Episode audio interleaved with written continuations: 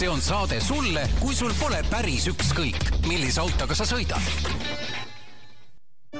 auto vahetamine võib olla tükk tegemist, aga mitte ideaalautos. meie suures müügisalongis on esinduslik valik garantiilisi, vähekasutatud autosid. ideaalauto, kõik, mida vajad, on siin. autod, rehvivahetus, kakskümmend neli seitse autopesu, keretööd. Peterburi tee nelikümmend seitse C. tere kuulajad, Autotund on eetris ja stuudios on äh, Martin Mets ja Tarmo Tähepõld Geenius uudisteportaalist. tulin korraks puhkuselt tagasi. kui päris aus olla, siis tegelikult ma vahepeal tegin ühe saate veel Tõnu Korroliga, rääkisime, kuidas me Goodwoodis käisime kahekesi, rääkisime, mida saab näha Youngtimer kämpil ja pärast selgus, et arvuti väljastas ilusa ja kõlava tühja faili sellest oli väga kahju küll, et äh, sellest oleks tahtnud kindlasti kuulda, kuidas seal äh, Goodwoodi festivalil käisite, aga ma arvan, et sa nüüd ilmselt ma... kahjuks küll natuke lühemas äh, formaadis, aga teed selle ülevaate nüüd seekord ikkagi ära.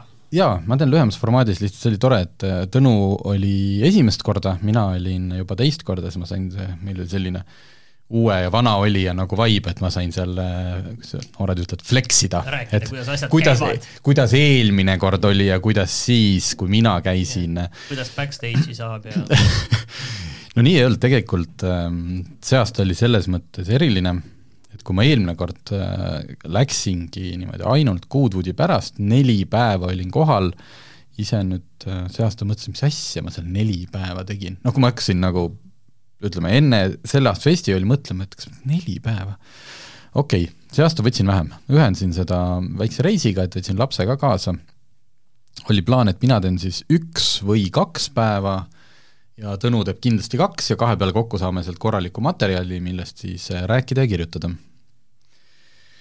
Äh, reedene, et Kuudud hakkab neljapäev, neljapäev, reede, laupäev, pühapäev et sel, selles mõttes ei ole vahet, millisel päeval sa lähed. et kui sa oma aega hästi planeerid, sa näed tegelikult kõik ära, sest me oleme seda siin varem vist rääkinud, aga kes ei tea, et seal on siis noh, põhimõtteliselt see on automaailma üks kõige suurejoonelisemaid äh, üritusi automaailma Viljandi folk on see põhimõtteliselt oma vist selliselt vibe'ilt ja olemuselt, et ta ei ole selline äh, äh, automaailma selline, ma ei tea, Depeche Mode'i kontsert Jaa. või Õllesummer väga hästi öeldud. selline no vot, ise poleks paremini osanudki. ütleme Intsikurmu või mingi see asi. et jah, et kui näiteks Pebble Beach ja Monterey autonädal on ikkagi suhteliselt, see on siis Ameerikas, mis nüüd augustis tuleb, äh, ja seal on veel Quail on eraldi üritus selle, et no see Quail, see on vist kõige kõvem, et seal on niisugune suur muruplats vist, golfimuru, kus on nagu need kõige-kõige kallimad autod, mille, millele siis antakse hinnanguid ja mida saab osta-müüa ka vist. selle pileti hinnad pidid praegult olema nii-öelda mustal turul või noh, müüakse umbes üheksa tuhande dollariga. muidu on see paar tuhat dollarit aga räägi nüüd ära nüüd see ka, et okay. Goodwood, millal see täpselt nüüd oli ja palju see maksis sulle nagu see piletivärk? Goodwood, Goodwood oli juuli, seal oli see neliteist, viisteist kuskil see juuli, tasub Londonist, kui sa võtad äh, Londoni lennujaamast rendiauto, olenevalt liiklusest maksimaalselt poolteist tundi sõitu, ei ole üldse kaugel. Äh, minule ei maksnud ta midagi, ma olin ajakirjanik, aga selle piletid on seal äh, umbes seitsmekümne, kuuekümne, seitsmekümne naela juures, oleneb, millal sa ostad, kas sa ostad endale ka tribüünipileti, minu arust on see terve ürituse hind okay. alguses. või oli siis terve üritus sada nelikümmend, oli neli päeva, ühesõnaga, mitte midagi sellist, et, et see ei ole nagu noh, vipp gruppidele mõeldud niisugune see on ikka korralik rahvapidu. seal käib, päevas on seal umbes, ühel päeval on seal umbes viiskümmend tuhat inimest seal alal. see tähendab seda, seal alal on siis need boksid, äh, kus kõik need autod seisavad, mida näidatakse ja mis siis osalevad enamik nendest ka nii-öelda sellel ähm, paarikilomeetrisel mäkketõusuvõistlusel tähendab, võistlus äh, on ta pühapäeval, enne seda on see tavaliselt demonstratsioonsõit, kes neist tahab harjutada, eks see paneb siis ka demosõitude ajal täiega, mõned teevad lihtsalt pulli, noh näiteks vormel üks autod, Jenson Button rääkis ühes intervjuus, ta on seal, ma ei tea, see aasta sõitis umbes nelja autoga üles, ütles, et ega F1 autoga, kuna see on nii kitsas, nii väike, sa ei saavuta seal seda surujõudu. mis tähendab seda, et F1 autod tänapäeval teevad seal põhimõtteliselt lihtsalt burnout'i ja lasevad inimestel mootori häält kuulata. ja eelised kaovad ära, ühesõnaga. jah, eelised kaovad ära Äh, aga kõige kihvtim ongi selle Goodwoodi juures see, et kõik need autod, mis seal osalevad, kas tutikad, äh, hüperautod, mida näidatakse maailmal esimest korda, seal oli palju esmaesitlusi oli, või need kuuekümnendate vormelid või veel kolmekümnendatest pärit äh, mingid vanaaegsed võidusõiduautod. Seal on Ferrari kakssada viiskümmend GTO, seal on uus Aston Martin Valkyrie, kõik, ühesõnaga vanad Le Mani võitjad ja kõik nad sõidavad sealt mäes üles, muidugi oma klassides, aga sellel hetkel, kui nad sõidavad, nad asuvad seal boksides ja see kõik on avatud. tähendab seda, et sa oled ninapidi juures, kui seal mingid kolmekümnendate Mercedese vormelautot või nagu võidusõiduautot, ma ei tea, umbes, ma ei tea, süüdet, mida, mida iganes nad seal paika ajasid või mootorit soojendasid. kujuta ette, kui rajale lähevad niisugused Can-Am, mingid täiesti piiranguteta V8-ga võidusõiduautod ja enne seda nad teevad oma mootoreid soojaks seal boksis see on ninapidi juures, see ei toimu kuskil klaasseina taga niimoodi, et eemalt vaatad, sa lähed sinna juurde, põhimõtteliselt võid mürgistuse saada. vaata, see on, selles mõttes on huvitav, et olles ka nagu erinevatel festivalidel käinud, aga autofestivalidel suhteliselt vähe, siis üldiselt mis nagu juhtub aja jooksul festivalidel, on see, et võtame kas või selle Lätis toimunud salaskriva positiivse, siis sellisest väiksest armsast kodukootust, kus sa näed kõike seda lähedalt, aja jooksul see läheb ikkagi niiviisi, et need esinejad liiguvad külalistest ja rahvast nii mm, füüsiliselt kui vaimselt liiguvad kaugemale edasi tekib selline barjäär, on ju, mida ja. suuremaks üritus läheb, mõnes mõttes nagu paratamatu.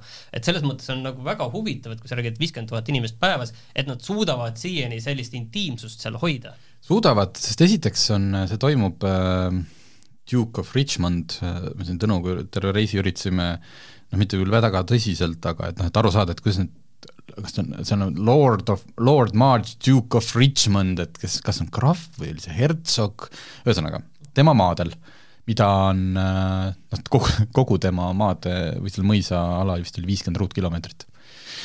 et seda festivali parkimisruumi ja seda kõike on kõvasti, mis tähendab seda, et ta saab kogu aeg vaikselt, kui, kui mingi asi tulebki juurde või tundub, et noh, nüüd on niimoodi, et noh, läheb rõvedalt kitsaks, et seal saab kuidagi kogu aeg juurde haugata. muidugi, Äh, see festival toimub ühel ja teisel pool seda mäkketõusurada, et sellel hetkel, kui midagi ühel pool hakkab toimuma, siis need nii-öelda asjad, mis üle lähevad, sillad siis, noh, need on korraks rahvast täis, pead järjekorras seisma, et sealt üle saada, muidu on õhku mõnusalt palju. ja siis äh, ühesõnaga, üks pool on need vanad, need haruldased hinnalised autod, mis sealt kõik sõidavad, teine pool on seal alati, on üks muruplats, kus on siis mingid temaatilised näitused, seekord oli näiteks äh, vist siis äh, homo, homologatsiooni autod, kus see ongi selle Goodwoodi juures kõige sürrim. et sealsama, lihtsalt muru peal, vihma käes, see, see reedene päev oli, kui me Tõnuga läksime, vastikult vihmane. mitte ei ladistanud kogu aeg, aga kogu aeg on niisugune asi õhus või kogu aeg pead selle, selle kileka välja võtma, sest nüüd hakkas. muru peal, ilma mingi nöörita, ilma mingi turvameheta seal kõrval, lihtsalt seisab McLaren F1 mitte vormelauto, vaid see legendaarne hüperauto, tema kõrval Porsche äh, GT1, tema kõrval Bugatti EB sada kümme, super, äh, ka see ühesõnaga veel mingi sportlikum versioon. ühesõnaga, see kõik on seal, inimesed vaatavad, no muidugi uks ei ole lahti, sisse sa sinna istuda ei saa, kui seal just äh, keegi omanik või keegi asjapulk korraks midagi ei tee. et ühesõnaga, need omanikud või nagu ma ennem ütlesin, boksis sellel ajal, kui see Ferrari, Nick Masoni äh, kuulus äh, Pink Floydi trummari Ferrari kakssada viiskümmend GTO, mille hind noh, ütleme, nelikümmend või viiskümmend miljonit, kui see üldse keegi seda praegult müüma hakkaks, eks ju, seisab seal. seisab võib-olla mingi vana kuskil seal selja taga umbes riiuli ääres, nühib mingit äh, tööriista puhtaks, kummard kõrval, teeb pilti, vaata sisse, mine uuri tagant, eks ju, ja, ja kõik, enamike nende autodega on seal niimoodi, et sa oled nii nagu, ma ei ütle hands-on, sest noh, tegelikult viisakas inimene ei pane käsi sinna külge, aga sa oled seal sees. ja noh, vanaaegselt hästi palju muidugi, nagu ma ennem ütlesin, neid uute autode esitlusi, isegi nii uute, ma olen siin suvel sellest automaailmast natuke eemal olnud, aga kui me vaatasime, need superautod on ka seal super, supercar paddock on, kus kõik nad seal seisavad nii-öelda telkides, ja tuligi superautode mäkketõusu osa, siis nad sõidavad kõik oma sealt, pannakse sealsamas käima, sõidavad oma sellest boksist välja, riburada pidi hakkavad minema rahva vahelt, noh. põhimõtteliselt niimoodi, napilt sõidab üle varba, turvamehed natuke üle, noh et kuulge, siis tuleb mingid Ferrarid tulevad sealt, Tõnuga mõtled, aga mis asi see on? mis auto see on, kumbki pole näinud, Ferrari märk on peal. siis selgus, see oligi esmaesitlus, mingi jälle ainu, ainueksemplar Ferrari KC kakskümmend kolm, ühesõnaga. Lihtsalt läheb, teeb selle mäkketõusu ära, tuleb boksi tagasi, võid edasi pildistada. et see, kurat, see oli ikka, no see ikkagi jätkuvalt on äh, iga autofänni kohustuslik sihtkoht ja ma ütlen, hetkel või noh, mis, mis hetkel, noh ta on jätkuvalt, ta on kolmkümmend aastat toimunud ja ta on jätkuvalt nii-öelda kättesaadav. otsid need soodsad lennukipiletid, ostad varakult Londonisse ära, ööbimise sa võid võtta mingi kolmkümmend kilomeetrit eemale kuskile, noh, mina elasin ühe inimese aiamajakeses, selleks ajaks, kui mina otsustasin, et noh, ma nüüd ikkagi lähen, olidki jäänud, et põhimõtteliselt kas umbes seitsmesaja naelased mingid hotellitoad kuskil või siis kellegi tuba. mulle see aiamajake väga hästi sobis. et see, see kaugus seal ei loe ja ah, mis üks asi see aasta, mis siis juhtus, oli see, et Tõnu pidi minema ka laupäeval, mina pidin hommikul otsustama, et kas ma liitun või ikkagi lähen lapsega juba varem Londonisse tagasi. ja siis reede õhtul tuli teade, et laupäev, esimest korda kolmekümne aasta jooksul laupäev tühistati. sest et ilmateade ennustas mitte küll vihma, aga ülitugevaid tuuleiile, mis tähendab seda, et kui sa oled pannud kokku sellise laagri, nagu seal on, kõik, noh, kõik autod, kõik on telkides, et puudub ju ressurss käia reede õhtul üle kõik vaiad, kõigilt küsida nii, kas teie telk peab umbes mingi kuuekümne miilistele tuuleiilidele või saab keegi nendest viiekümnest tuhandest inimesest selle yeah. telgiga vastu pead. korraldajatel on see kindlasti ilge pauk ja, ja ühesõnaga, kui ma olen pärast kuulanud mingeid välismaa ajakirjanikke, kes seal käisid, siis nad ütlesid, et samas ümbruskaudsed kõik igasugused muuseumid ja asjad tohutult võitsid, sest täiesti ootamatult oli neil laupäeva hommikul yeah, saba, saba, sabad ukse taha, restoranid, kõik, sest et sul on äh, mitusada tuhat inimest või noh, nagu yeah. kes, kellel ei ole mitte kuhugi minna. nii et selles mõttes oli kahju, et Tõnu sai ka olla siis ühe päeva, et äh, mitmed asjad seal ikkagi, me kappasime esimese päevaga, me tahtsime niimoodi, et me vaatame kõik ära ja järgmine päev on siis äh, nii-öelda peenhäälestus et mõnest mudelist mm. natukene uurida, kellegiga seal juttu teha, et kahjuks see osa jäi ära, nii et äh, tuleb järgmine aasta tagasi minna väga hea, no ma saan nagu täiesti nagu aru, siin ei ole nagu mingit küsimust, et sa seletad selle kõik asjad nii hästi, nii hästi ja, ära, et, et miks see on nagu oluline just nagu selle, selle poole, et see on tõesti väga äge. vot. mina nagu, tundub nagu tõesti mõttetu nagu enda nädalast nüüd selle peale rääkida nagu, et nagu raske on kuidagi nagu äh, et Aa, kui see oli see meie nädala osa, siis mul on sellest, äh, ma võin siin kohe sinna me jõuame, okei aga võtame selle siis... eraldi, võtame selle eraldi, sellepärast et äh, vaata automaksu aruteludest sina oled siin nüüd pääsenud, vähemalt nüüd vahepeal ühe nädala jooksul nüüd tuli vähemalt üks oluline uudis küll veel tuli, tegelikult ei olnud uudis, aga põhimõtteliselt see oli see, Siim Kallas kirjutas, oli vist äh, Delfis, et tead, tegelikult olge üldse nagu õnnelikud, et see automaks nii madal tuleb, et tegelikult võiks teha niiviisi, et lihtsalt ei hakka siin midagi arvutama, et teeme iga, iga auto eest eh, tuhat aastas ja ongi kõik, et kõik on korras. et tegelikult olge veel õnnelikud, et te siin kuskil eh, noh, selline sada, kakssada, kolmsada euroga pääsete. aga üks oluline asi on tegelikult veel selle juures, mis tegelikult on nagu juba, puudutab meid täna. ja hoolimata sellest, et vaata autode kättesaadavus viimasel ajal on muutunud eh, palju äh, palju paremaks, ei ole mm -hmm. nii pikkasid ooteaegu, sest mõnedel mudelitel on siiani päris pikad ooteajad. ütleme, et kui sa mingit autot tahad, siis vabalt võib olla üheksa kuud. see üheksa kuud on selles mõttes oluline, et kui sa täna endale ostad, ma toon näite, mingi sajatuhandese auto, siis kuigi praegu ei ole veel teada, milline hakkab olema esmaregistreerimise maks mm, -hmm. siis kui sa täna endale ostad selle auto, võimalik, et sa saad nagu... tellid ära ja. ja see tuleb Eestisse ja võimalik, et selle esmaregistreerimise maksu pead sa alles maksma järgmise aasta pärast esimest juulit, nii et võimalik, et juba täna ostes tegelikult sa hakkad seda esmaregistreerimise maksu maksma, hoolimata sellest, et et siiani ei ole teada, kui suur see olema saab uh. -huh. et seda praegu, et kes on nagu endale uut autot tellimas, seda nagu tasub mõelda, et mis see, et või noh, okei okay,, et kui sa ostad tõesti endale äh, sajatuhandese autot, siis võib-olla tõesti noh, see ei aja paati kummuli, on ju. aga lihtsalt, et see, see tegelikult äh, võib see... juba täna realiseeruda. jah, ma jah, äh, olen täitsa teadlikult ennast ka kogu sellest auto, noh ütleme siis eriti sellest poliitika osast, et muidugi ma kuulan podcast'e edasi, ma tean, mis nagu ütleme, toimub automaailmas mudelite ja nende mõttes, aga siis minuni jah, jõuab kogu see info peamiselt meemide näol. Et noh, ma vaatan kuskil kas Instagramist, Facebookis, et mingid Siim Kallase automaksu meemid on selge, järelikult on keegi, keegi jälle, keegi lasi toru lõhki jälle. Aga, aga ütlen, et jah, et see, see on nagu juba praktiline nõu, et, et ega see automaks nüüd tuleb, aga, aga võib-ollagi, et juba täna realiseerub, sest noh, hästi palju on räägitud sellest just, et nüüd enne seda, kui see tuleb, siis veel tuuakse veel välismaalt veel palju autosid ja siis äh, meil külas käinud Anti Sooju käis äh, enda seda viiekümnendat autot äh, toomas, äh, lugege, väga lõbus lugu, sada autot Itaaliasse läks, jah? Itaaliast, et kuidas tal see läks, et et eks temagi vaatas, et noh, ostab täna ära, ega siis ei pea ju esmaregistreerimismaksu maksma. selle peale ma, ma seda, minge lugege kindlasti täpselt sada autot.ee, ta kirjutas kolmeosalise oopuse sellest, väga kihvt oli.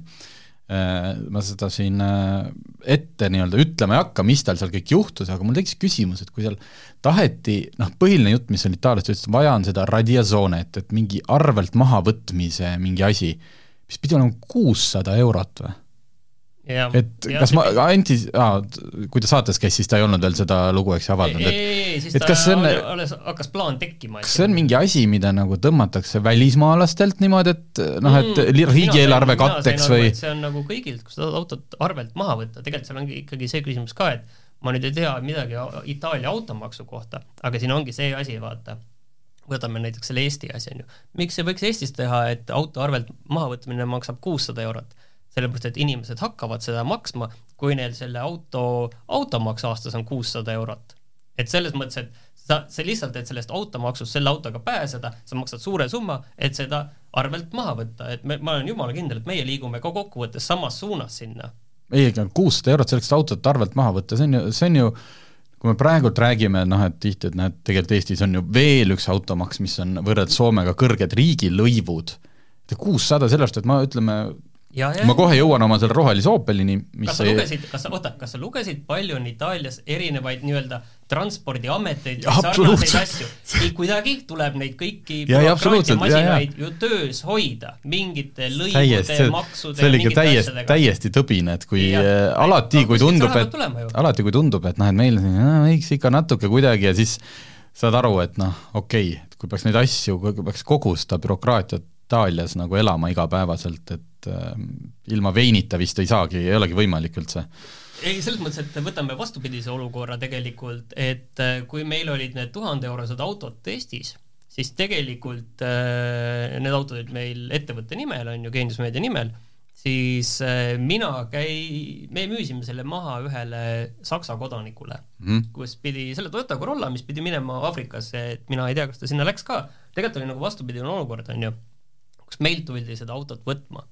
Ja, ja tegelikult meil see asjaajamine oli ikkagi väga lihtne, et ma käisin no, absoluutselt, ma ütlen, jah. jah, okei okay,, tegime, vahetasime, noh, need auto müügipaberid nagu tavaliselt ei, ükskõik kellega Eestis seda müüd, on ju, et okei okay,, me pidime paberi peal tegema, me ei saanud seal e-transpordi ametis või seal ei saanud teha, on ju, sest temal ei olnud sinna ligipääsu, tegin need paberid ja siis, siis kruvisin selle auto pealt need numbrid maha võtsin need paberid, ei võtnud seda Saksa kodanikku kaasa, võtsin need paberid, numbrimärgid, läksin Transpordiametisse, siis seal taheti natuke täpsustusi inimese aadressi koha peal, helistasin sellele Saksa kodanikule ja, ja andis mingi aadressi, noh, mina ei tea, mul ei ole aimugi, palju see tõele vastas, on ju, aga andsin need aadressid ja öeldi kõik, näed, tere, see auto on nüüd arvelt maas, nii ongi.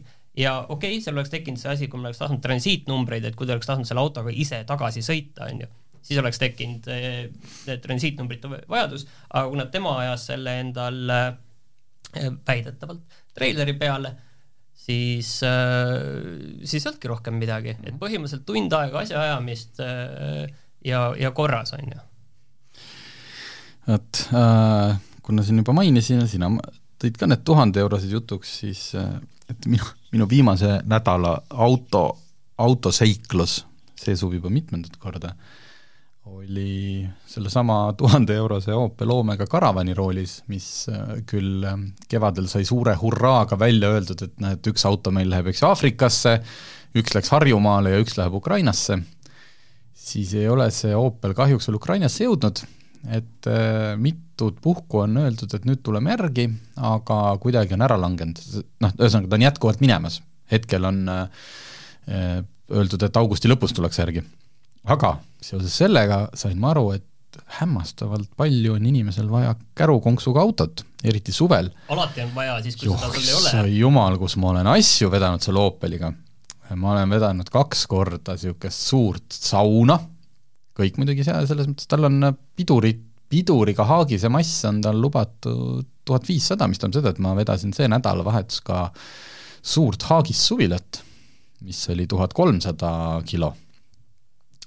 Ma olen selles autos nüüdseks ka maganud, mida ma tahtsin ka kohe selle testi alguses ikkagi ära proovida, sest ta on ju nii hiiglaslik seal sees, oli väga mõnus, tõesti oli hiiglaslik, palju ruumi, saad panna täismõõdus pehmadrats, ühesõnaga ma olen nüüd tegelikult aast, peaaegu aastaga äh, saanud ära teha kõik katsed.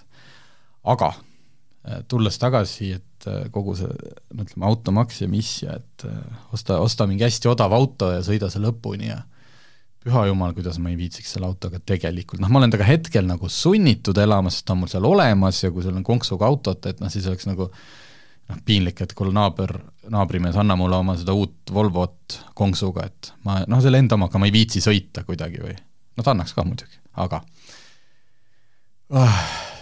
esiteks nüüd, see on ilmselt tingitud jälle sellest, et see auto seisis üksteist aastat. müstiline, kuidas selle suvega on tal ära kukkunud peaaegu kõik uksetihendid. Lipendavad kuskil, rattakoopa, logari või kuskilt sealt üks tihend lipendab, et kõik need vist, ilmselt nad kuivasid selle üheteist mm. aastaga täiesti ära, liikuma ja nüüd on see, kõik on lihtsalt, ta on nagu lahti ennast logistanud ja tagasi nad enam ei noh, siis on see, et terve suve, nüüd ma viisin ta parandusse, aga suve sõitsime niimoodi, et äh, jalgade peale puhub ainult kuuma õhku.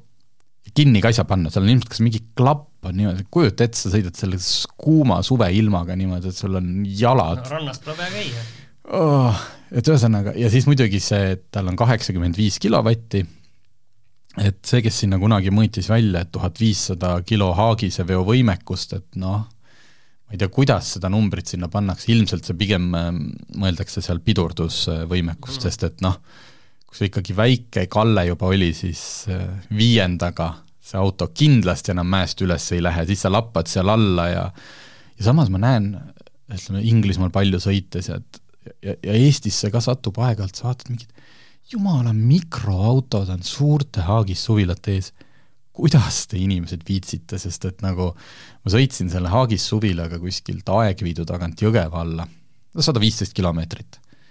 ja see oli nagu esiteks noh, see, kuidas see kogu aeg noh, tal jõudu ei ole, okei okay,, võib-olla moodsamatel autodel rohkem, aga ikkagi noh, kõik, kõik rekkad, millest kas mina mööda läksin või tulid vastu, see auto hakkab kohe võdis-, noh, kohe sa tunned, et sa pead seda nagu hoidma, hoidma kuidagi kontrolli all et see kõik, see kõik oli nii, nii väsitav. Jät-, noh, jätame kõrvale selle, et mul seal autos, eks ju, aknad lahti, sest ja jalad põlesid, aga, aga see sõidukogemus ise, et kuidas ma nüüd võtaks selle suure haagise ja põrutaks, ma ei tea, Saksamaale või? Vaatad, et Eestis on siin saksa numbritega haagis suvilaga inimesed, et võib-olla teil selle autoga, jah. Võib-olla mitte selle autoga, jah, aga ei no see mass on ikkagi, et kui sul ees seal on ka mingi väike Volkswagen Golf või ja, ja taga on nagu hiigelsuur, sest noh, see ta võib ju kerge olla, eks ju, ta võib ikkagi tuhat kolmsada olla, aga see purjepind ja see kõik teeb ju oma. et äh, see oli raju kogemus, ära ma ta vedasin, nüüd äh, ma lihtsalt viisin ta nüüd ikkagi jälle parandusse, just selle kuuma puhumise, sest et noh, vaesed ukrainlased on niigi palju kannatanud, see, et nüüd mina saadan neile mingi auto, mis selle kirsas saab, noh, et see lihtsalt ei ole ilus, et see oleks nagu, siis oleks see mõistlik juba saata romulasse, mitte nagu kellelegi kaela. aga ei no kihvt, selles mõttes, et äh, kui ma omale kunagi nüüd hakkan ikkagi järgmist autot ostma, hetkel pole plaanis, siis käruks see on ikka hämmastavalt tihti läheb seda vaja see on tõsi jah, ma ütlen, mul läheb ka pidevalt läheb vaja. on sul? ei ole Aga... kuidas sa lahendad selle? või kuidagi teistmoodi lasen kellelgi vedada või midagi, midagi niiviisi olen lahendanud, ega see noh, kokkuvõttes kindlasti odavam, olen mõelnud ka, et palju see paigaldamine see maksab, aga nüüd vaatad, et auto on juba seal noh, mitte elukaare lõpus, aga, aga ikkagi teises pooles, kuldses keskeas juba, et siis kas on enam mõtet? tead, mul meenus veel üks autoseiklus sellest suvest, mida ma kindlasti tahaks jagada. Kuidas ma oma Alfa Romeo Giuliaga Saaremaale äh, pea, noh, kaheks päevaks lõksu jäin. no see oli väga kaunis, jah. Ühesõnaga järjekordne suvine tuu-, tuuleveskite otsimise reis, mul laps tahab hirmsasti kõik Eesti tuuleveskid läbi käia. Ja olime, tal oli seal jälle maha märgitud suur hunnik Saaremaal, sõitsime, sõbrad ka tal kaasas ja väga, väga ilus reis oli, kõik oli väga hästi. ja me olime leidnud tema neljasajanda tuuliku, ühtlasi külastage internet või minge, Instagramis on at Eesti alakriips tuulikud vist. neljasajanda ja sõitsime sealt Võssist välja, jube rõõmsad kõik, et nii, et täna jõuab paar tükki veel võtta ja siis kuskil Saaremaa täiesti sirgel asfaltteel äkki käib ilge kolakas, vaatan ruttu niimoodi peeglisse ka, midagi sealt lendas, auto kiiresti seisma, vaatad nii, üks tagumine rehv on tühi Äh, veeresin siis niimoodi, õnneks see oli ühe küla ääres kohe, nii et ma sain kohe pöörata niimoodi ühe niisuguse, ma ei tea, vana kuuri ette, kus ma kedagi ei seganud, ja siis jääda mõtisklema.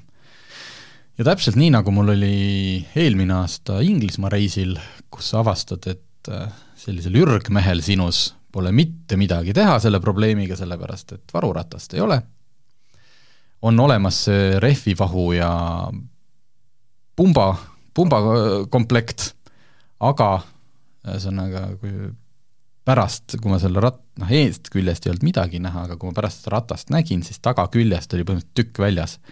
et seda sa nagu mingi vahu või asjaga kinni ei pane, siis sa oled seal.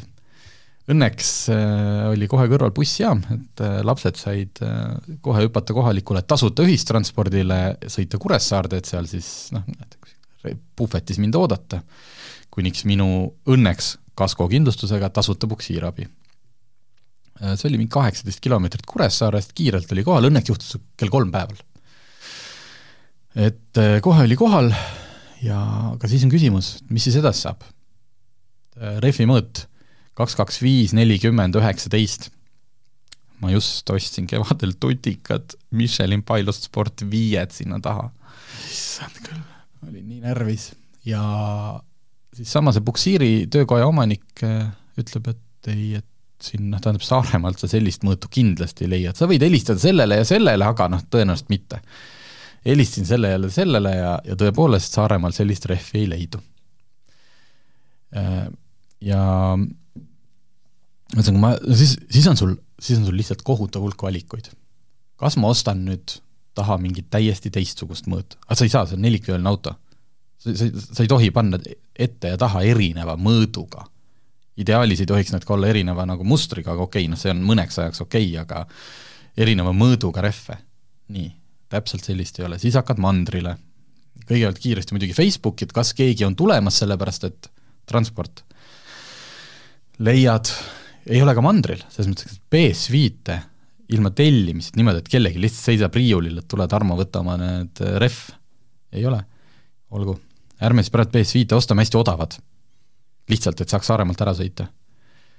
ja aga neid Hiina rehve, neid kõige odavamaid, neid müüakse kas ainult paari kaupa või, või lausa nelja kaupa. Sest noh, keegi ei taha, et tal on see laos küll, tal on see poes olemas, aga kui ta ühe ära müüb, et siis no, üks sinna jääb, on ju. üks sinna jääb või keegi seda nagu tagasi ei võta, sest noh, ideaalis sa peadki ju vahetama kogu aeg, noh, samal teljel peavad olema ju ühesugused rehvid. okei okay andke mulle siis kakssada hiinakat. nii, olemas, Pärnus olemas, nii, nüüd üks sugulane on, tuleb. ühesõnaga, pauk käis kolmapäeval kell äh, mingi kolm päeval ja reedel kell kaksteist päeval oli mul siis uus rehv all. jumal tänatud, mul ei olnud mitte kuhugi kiiret, me pidime ära minema algselt muidu neljapäeva hommikul, aga noh, jumala eest. Saaremaal ilus, saime sugulaste juures elada, et noh, nagu midagi traagilist ei juhtunud, aga mõtlen, kui ma oleks olnud seal mingi, mingi tööasjas või, või mingi noh, ja mis seal rehvis katki tegi? tee peal oli niisugune suur, täitsa asfalttee värvi niisugune hõbedane, kuuskant peaga Bolt mm., niisugune korralik jurakas, ütleme põllumajandustööstuslik. ja selle siis see kuuskanti, noh, see on teravad, teravad nurgad, oli täpselt niimoodi, et oli mu rehvi tükk küljest tüki välja hauganud, et nagu come on mõnus vedamine. vot, et äh, lihtne purunenud rehv tähendab sul kaks päeva Saaremaad. tead, ma lihtsalt ühe väikse rändi teeks ka siia, mitte päris lõppu, räägin pärast ühe uudise veel tegelikult, aga aga tead, mis viimasel ajal on hakanud häirima liiklust, mina sõidan väga palju Narva maanteed mööda, on ju, pikk ja mul võib-olla tunne, et ma olen seda kuskil juba kunagi rentinud, aga lihtsalt mingi selline arusaamatu asi. püsikas sisse, noh, selline sada kümme ütleme, ja püsikaga lased mööda seda teed, tühi tee on ju. ja siis näed, keegi kuskilt tagant tuleb. vaikselt, vaikselt, vaikselt, tuleb aeg natuke kiiremini kui sina. tühi tee. ja siis ta niiviisi vaikselt-vaikselt sõuab minust mööda. Ja siis pöörab niiviisi kolm meetrit minu ette. ja see on, see on üsna levinud muster ja ma ei saa aru, milles, ja siis, kui ta kolm meetrit minu ette pöörab tõmbab ka vaikselt nagu kiiruse maha, et ta on kogu aeg na, nagu natukene nagu rohkem vajutanud, on ju, niiviisi, aga mitte ka nagu hullu pannud, on ju, ta on natuke kogu aeg rohkem vajutanud. ja siis ta tõmbab enda kiiruse ka sinna saja kümne juurde, on ju. või niiviisi, või natuke vähemakski. ja siis pead hakkama veel, noh, adaptiivset kiiruseid mul ka ei ole, ja siis pead, siis pead juba hakkama ise juba, okay,, püsika nüüd maha võtma veel. Et nagu sellest on nii keeruline nagu aru saada, ma mõtlen, et mis nende inimeste peas nagu toimub, et tõesti tuled igalt poolt täielik tühjus ja siis keerad jõnks kohe otse ette ja, ja siis jääd sinna töllerdama. ma püüan, ma, ma saan sinust täiesti aru frustratsioonist, ma lihtsalt püüan korra, et no mis see siis võib olla. see on see, et äh, ta on väga palju kuulnud ka meie saatest ja lugenud meie mm, väljaannetest seda, et ei moluta vasakus reas ehk et ta tuleb kohe sealt vasakust reast ära. tühjus, keegi ja, ja, ja ei, aga ta on, ta, ta, ta on õppinud, ta peab kohe ära kilomeeter ta tuleb seal vasakus reas juba, tal ei, ei ole nii, et ta möödub, ta tegeleb mööd-, möödasõiduga hetkel ja siis kohe reastub paremasse. teine, et miks ta siis sinust üldse mööda peab minema, see on see, et ta ei, noh, nähtavus, ta ei taha, et sinu ratast alt midagi lendab, ja siis, kui ta sinu ette on jõudnud, siis ta saab üks hetk aru, et oota, et kui ennem oleks radarisse sõitnud see Honda siin minu ees siis nüüd olen ju mina see, kes trahvi saab. ma võtan igaks juhuks saja kümne peale ilusti täpselt niimoodi. ja, ja ega ma tegelikult äh, sõidangi seal tegelikult äh, no., see sada kümme ei olnud nagu kunstlik kujund, selles mõttes, et, et see tegelikult ongi niisugune rahulikult püsikaga lased seal, et, et sa ei pane mingi hullu. aga, aga ongi, et hästi, ja see on selline muster nagu, see ei ole nagu üksik juhtum, see on jõle keeruline ja jõle tüütu nagu ma saan aru, et jah, oleks tagant tulemas veel keegi veel kiirem ja nii edasi nii edasi, seda juhtub ka muidugi ja, ja ikka juhtub, aga kui on tõesti tühjus igal pool. vot ah,. minu, mind päästis see suvi, see või õigemini elu muutev, see, et ma sain lõpuks oma alfale tagantjärele paigaldada adaptiivse püsikiirushoidja. kogu protsess oli alla kolmesaja euro, progemine, roolile, roolile tuli üks nupp, nupp juurde ja põhimõtteliselt oligi kõik kuna see radaritehnoloogia on autos juba olemas, lihtsalt seda esimene omanik ei olnud nagu seda linnukest teinud ja ma sain nüüd lihtsalt täiesti teine kvaliteet on sõitmisel. ei, see kõlab väga hästi. aga tead, nagu ma ütlesin, ma ühest asjast tahaks sulle rääkida tegelikult, et äh, Delfis kirjutati, et äh, et oluline seadusemuudatus on tulekul. noh, tegelikult on praegu see alles nagu avalikul arutelul, loomulikult äh, liiklusega tegeleb meil Kliimaministeerium, aga teemaks on siis see, et auto... kohutav, ma, ma olen siin äh, viimastel päevadel seda kuidagi näinud, liiklusega tegeleb Kliimaministeerium yeah,, kuradi kabinetis see välja mõeldi, et me nimetame selle ministeeriumi, mis tegeleb kõigega kliimaministeeriumiks, täiesti eelmine saade tegime vea sellega, et me rääkisime küll, äh, õppesõit on ka kliimaministeeriumi all, aga me rääkisime, et äh, nelikümmend kohustuslikku tundi, tegelikult oli kolmkümmend. aga ühesõnaga, mis nüüd äh, keelatakse, on kõnni- ja rattateedel peatumine, mis on nüüd idee keelata. Ja trahvid selle eest ka kahekordistuvad. et mul on tunne, et siin on nagu kuskil see, et selline selline terve mõistus nagu kuskil nagu veits nagu läheb jalutama. et okei okay,, et see on nagu, vaata liiklusseaduse muudatus, see kehtib tervele Eestile mm. -hmm. et me räägime siin Kalamajast või me räägime mingist väiksest Tartu kõrvaltänavast kuskil Ropkas või ükskõik millest me räägime, reeglid kehtivad kõigile.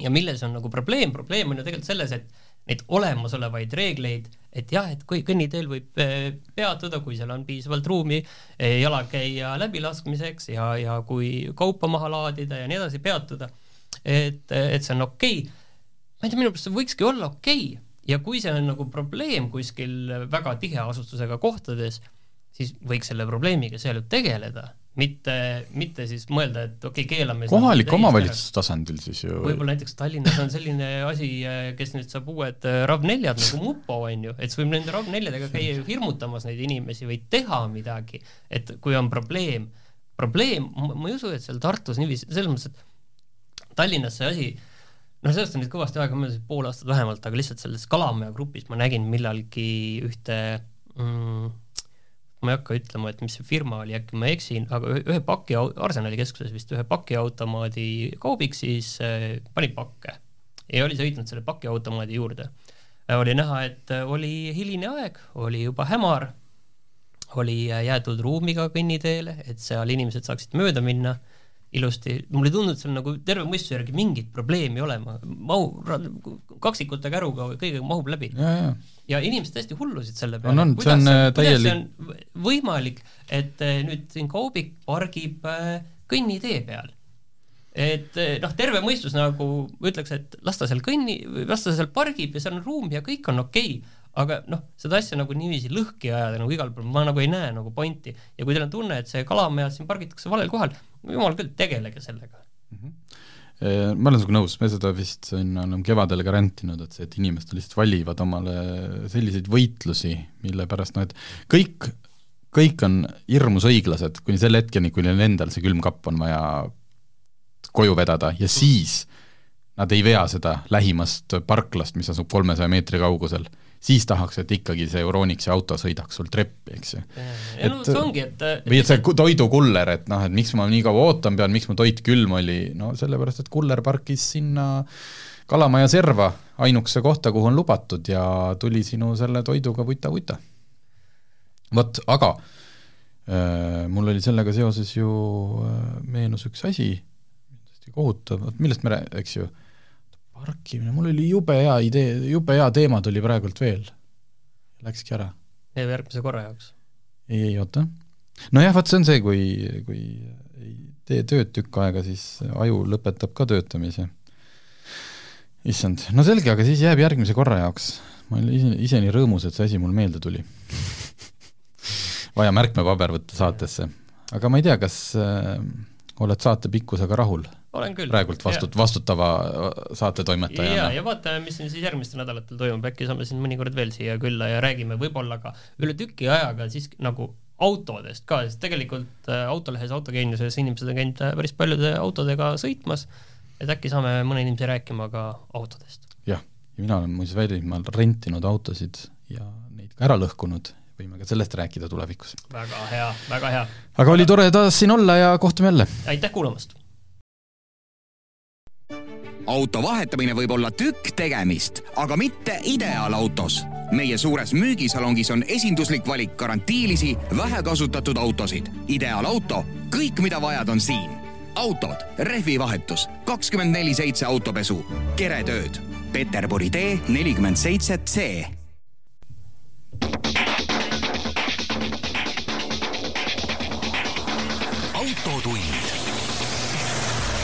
see on saade sulle, kui sul pole päris ükskõik, millise autoga sa sõidad